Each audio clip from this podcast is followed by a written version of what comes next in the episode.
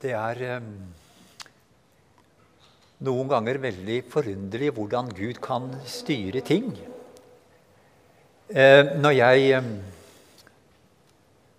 eh, satt og tenkte på at jeg skulle holde en tale i dag, så var jeg litt usikker på hva jeg skulle eh, si. Og så har jeg valgt en annen tekst som jeg kommer tilbake til. Men eh, det som Lillian har sagt, det var en Det passer så godt til det jeg skulle si. Så Gud har tydeligvis vært med og styrt det hele. At det skulle henge sammen, det som vi skulle være sammen om i dag. Så det må vi være takknemlige for, at Gud kan lede tanker og ord sammen hos flere.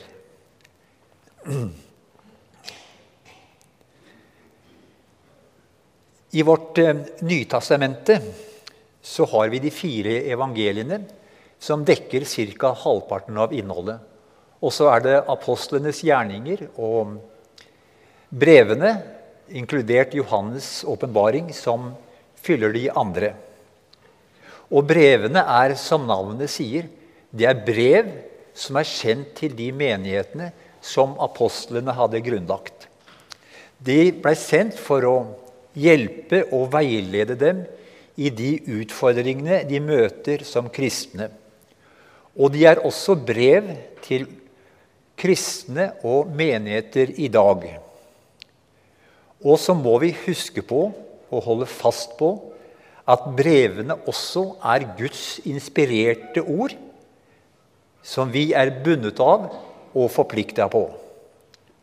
Og som den gang vil brevene være med å veilede oss og hjelpe oss til å navigere i et urolig farvann kristent sett. De er på en måte en ressursbank som vi skal gjøre oss nytte av. De første menighetene de slåss mot hedenskapet og vranglære. Situasjonen for oss kristne i dag er ikke annerledes. Hedenskapet og vranglæren, det presser oss. Det er jo et veldig press mot kristne og kristne menigheter om å tilpasse seg samfunnets verdier og tenkemåte. Også når de er på kollisjonskurs med Guds ord. Og det er jo med sorg vi ser at mange menigheter og kristne gir etter for dette presset og tilpasser seg samfunnets normer. Og vi ser det særlig i det som har med, som Lillian var inne på, ekteskap, seksualitet, hvem som kan gifte seg. Men det er også andre spørsmål som vi presses på. I det siste så har jeg tenkt veldig mye på det med forførelse og vranglære. At det ikke må få innpass hos oss. Det har ligget meg veldig sterkt på hjertet. For vi ser at falsk lære og forkynnelse som bryter med Guds ord, det aksepteres og brer, seg, brer om seg blant oss kristne. I flere og flere menigheter. Men at vi kan bevare tilliten til at Guds ord er sant, og holde fast på det slik det er gitt oss i Bibelen. Og det er det eneste trygge og sikre ankerfestet både for livet og for evigheten.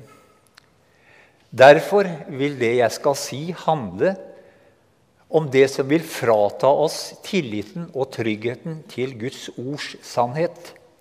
Sagt med andre ord om vranglære og forførelse. Bibelen minner oss mange steder på at det er noe vi må være på vakt for.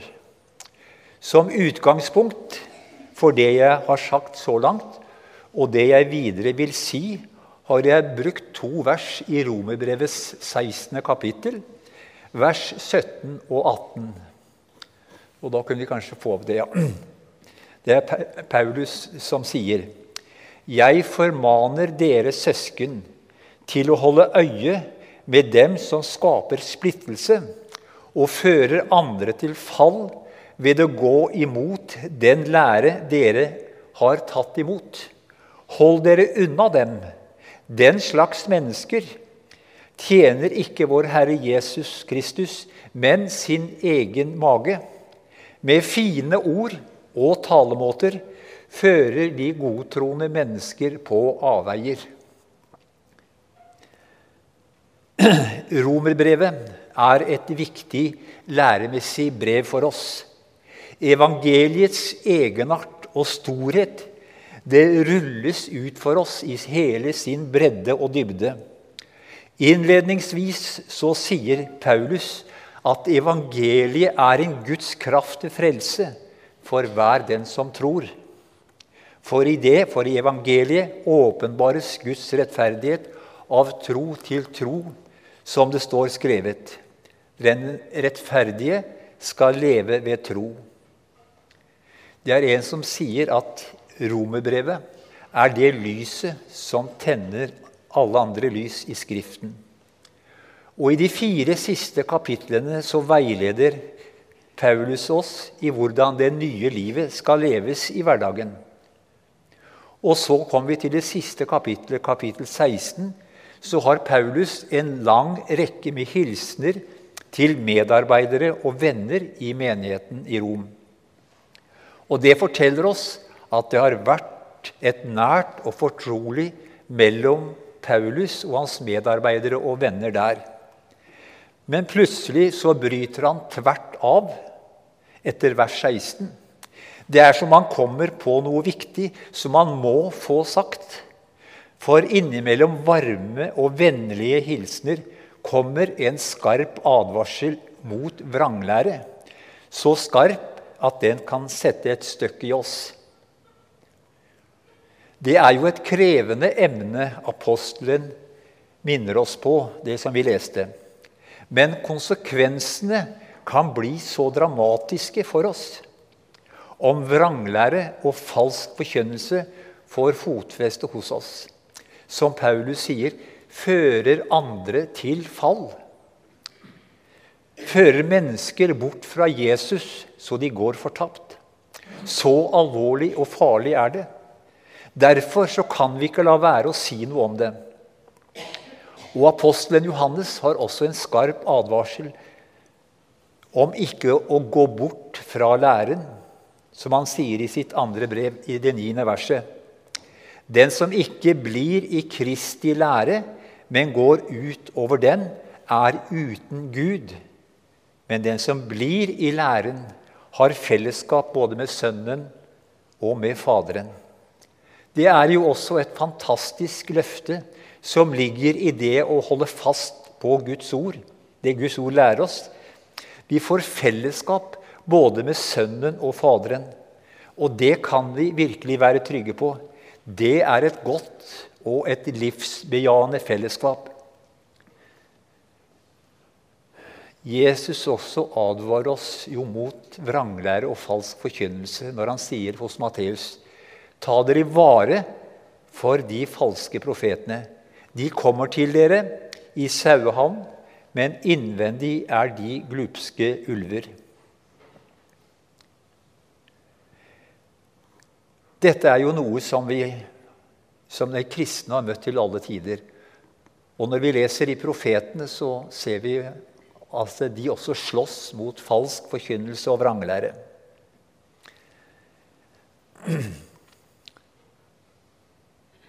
Eh, men vi kan si at i vår tid så har det jo vært en veldig glid på det som har med sannhet og Guds ords troverdighet å gjøre de siste tiårene. Men kravet om å søke sannheten og kjempe for den, det går som en rød tråd gjennom Bibelen. Vi blir også formant til å være kjærlige og omsorgsfulle, men som en sier Ingen steder kan det utledes et prinsipp om å være sannheten utro i kjærlighet. Nå tenker jeg at dere er enige med meg så langt. At vi som enkeltkristne og menighet må holde fast på Guds ord, slik det er gitt oss i Bibelen. Og jeg er veldig takknemlig for å ha denne menigheten som mitt åndelige hjem. Det må selvsagt ikke føre til at vi blir store i egne øyne og ser ned på andre. I ydmykhet og med takknemlighet vil vi si at det er en Guds omsorg og nåde at vi er blitt bevart i sannheten. For som det står, du som står, se til du ikke faller. Jeg har jo mer enn én gang forundret meg over hvordan kristne kan forandre mening. Troverdige, opplyste mennesker som har vært veldig tydelige på at det, Bibel, det Bibelen sier, det vil de holde fast på, men som forandrer mening. Årsaken, som en sier, kan være ytre press, mangel på klar undervisning, personlige fortellinger om vonde opplevelser og en ny kultursituasjon som er utfordrende. Og det som er så skummelt, er at det er en stemme i mitt indre som hvisker meg i øret. Du kan ikke ta det så alvorlig, Arild, med det som står i Bibelen. Den ble skrevet for en annen tid, og Gud er kjærlighet. Og de som taler for en viss oppmykning, særlig i de etiske spørsmål, gjør det på en rett forstått god måte. Men som Paulus sier, med fine ord og talemåter fører de godtroende mennesker på avveier. Så den slags tale, den må vi ikke lytte til. Jeg kom over et lite stykke i avisen Dagen, det var på fredag, hvor det står om at det er en del kristne organisasjoner som har gitt ut en veiledning om hvordan dette med seksualitet og samliv skal være, særlig retta mot unge mennesker. Og så står det at kritikken mot dette har ikke latt vente på seg. Og da har jeg spurt eh, biskopen i Oslo, Kari Weitberg, og hun sier om dette opplegget som de har kommet med, at det virker tilsynelatende bibelsk basert. Og så slår hun fast at problemet er at ressursene om homofili og ekteskap hardnakka holdt fast på at ekteskapet bare er for, mellom mann og kvinne. Hun mener også det er problematisk at undervisningsressursen underforstått slår fast at seksuelt samliv før ekteskapet er imot Guds ord. Det er da en biskop i Den norske kirke som sier. Og hun sier at hun ikke kan anbefale det opplegget til bruk i Den norske kirke.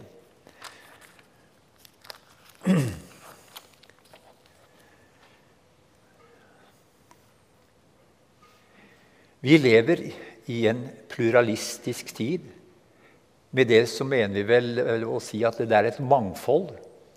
Du mener det, og jeg mener noe annet. Det være seg politikk eller forskjellige samfunnsmessige forhold. Og det er greit nok. Vi må respektere denne forskjellen i sekulære forhold. Og det er jo egentlig et gode at vi kan ha det slik. Men det blir farlig om vi overfører denne tankegangen til det som har med Gud og Hans ord å gjøre. Det hevdes at det må være rom for at vi kan forstå Guds ord forskjellig, selv der Guds ord ikke er til å misforstå etter sin ordlyd eller sin mening. Siste gangen Jesus var sammen med sine disipler før sin død, var det med troskap mot hans ord noe som han virkelig innprenta sine disipler. Og det er mange ganger Jesus berører dette med troskap mot hans ord i denne siste samværet som de hadde. Men jeg kan bare ta fram et par. Han sier i Johannes 14.: Den som elsker meg, vil holde fast på mitt ord. Og i sin bønn for dem i kapittel 17 så sier han Hellige dem i sannheten. Ditt ord er sannhet. Og han sier videre, jeg ber ikke bare for dem, men også for dem som gjennom deres ord kommer til tro på meg. Som jeg nevnte innledningsvis, her gir Jesus samme autoritet til apostlenes ord som sitt eget ord. Vi kan ikke sette, sette opp en motsetning mellom det som står i evangeliene, og det som står i brevene. Det er en som sier det er en av de undervurderte utfordringene med å leve i en så pluralistisk samtid som vår, er at Guds ords autoritet blir undergravd. Sannhet er blitt et tøyelig begrep som hver enkelt må finne ut av det som passer for meg. En som har et ikke-kristen ståsted, han vil naturlig nok ikke bry seg om hva Bibelen sier når man skal avklare hva man skal tro på, eller hvordan man skal leve. Og han sier videre den gammeldagse liberalteologien har vært lettere å gå i rett med fordi den åpent forkaster en tradisjonell tenkning om Bibelen som øverste norm. I vår tid er det blitt mer utfordrende fordi teologer og prester som ikke vil regne seg som liberale, åpner for å la erfaringen trumfe bibelordet.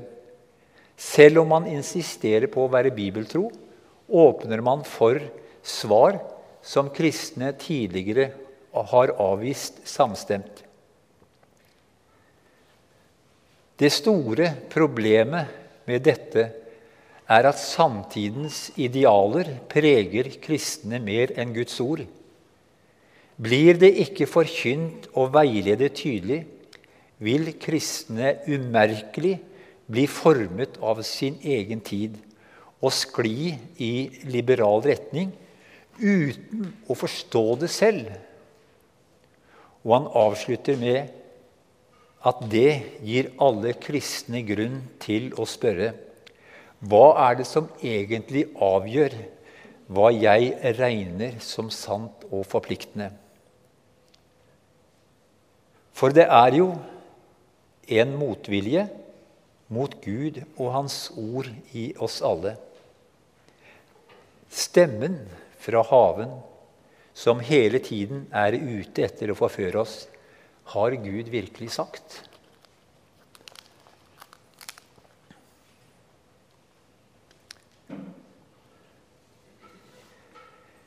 Det beste vern mot å bli forført eller komme på glid i forholdet til Gud, til Guds ord, er at vi er kjent med ordet bruker det. Ordet har den forunderlige virkning at når vi bruker det, lever i det, så blir vi mer og mer trygge på at det er sant. Det er til å stole på. Vi får mer og mer tillit til det. Og det har jeg selv erfart mange ganger. Og som Jesus sier, de ordene jeg har talt til dere, er ånd og er liv.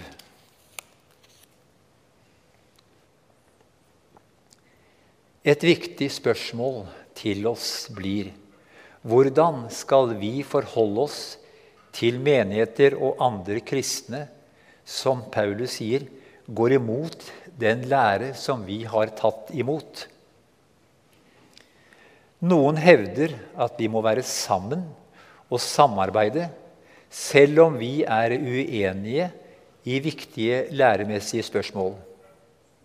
Vi er enige i det viktigste, det med Jesus Kristus og frelsen. sies det derfor må ikke noen etiske spørsmål som vi ser ulikt på, splitte oss. Vi må leve med at vi ser ulikt på en del ting. Men slik taler ikke Guds ord. Paulus sier at den som går imot den lære vi har tatt imot, det er nettopp det som skaper splittelse. Og han er ganske skarp i sin avvisning. Hold dere borte fra dem. Det kan ikke bli noe enhet mellom de som vil holde fast på Guds ord, at det er sant, og de som setter viktige deler av Guds ord til side. Det er smertefullt å måtte si det. Men Bibelen er veldig klar i dette spørsmålet. Det blir, kan ikke bli noe åndelig fellesskap mellom sannhet og vranglære. Det er, for det er sannheten som skaper enhet, som det skal være mellom Guds barn. Kjærligheten kan utdype den, men det er sannheten som skaper enhet.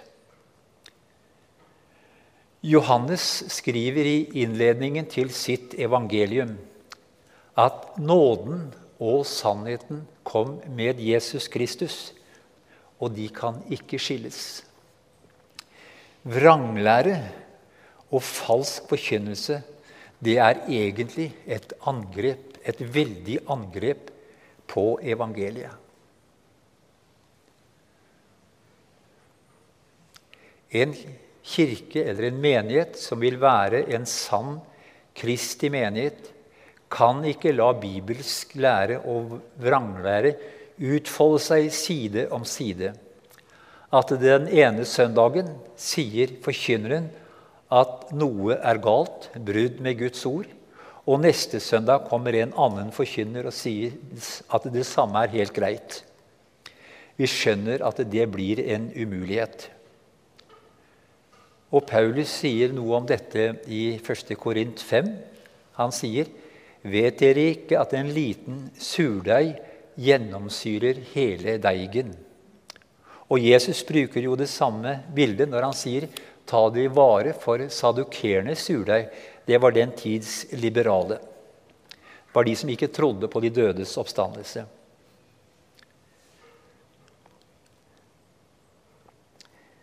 Det det står om, er jo menneskers frelse. Derfor er Bibelen så sterk og klar i sine advarsler mot en lære som ikke stemmer med det som nettopp står skrevet i Bibelen.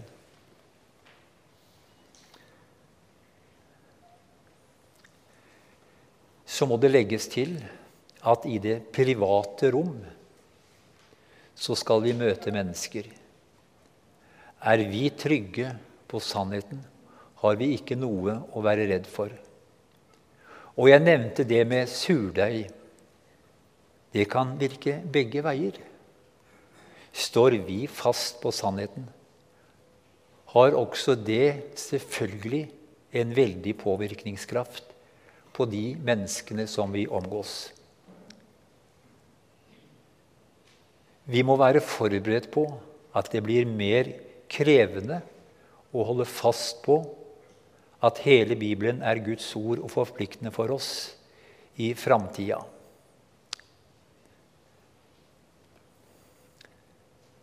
Relasjoner kan bli vanskelige. Men da skal vi huske på det som jeg nevnte, og det vil jeg slutte med, som Johannes skriver. Den som blir i læren, har fellesskap både med Sønnen og med Faderen. Tenk så stort og så fantastisk. Gud selv og Hans Sønn vil komme til oss og ha fellesskap med oss. Kjære himmelske Far. Vi vil eh, takke og prise deg for det håpet som du har gitt oss. At vi eh, en gang skal få samles hjemme hos deg og være kvitt alt det som uroer oss, som bekymrer oss, som er vanskelig. Vår nød og vår smerte på så mange felt. Men da skal vi få møte deg. Må du gi oss frimodighet og trygghet til å holde fast ved ordet ditt. Det som i dag angripes fra så mange kanter. At du må bevare oss i sannheten. Du må fortsette å be for oss, Herre Jesus, om at vi må bli bevart i sannheten. Og du velsigne oss og være med oss. I ditt eget navn ber vi. Amen.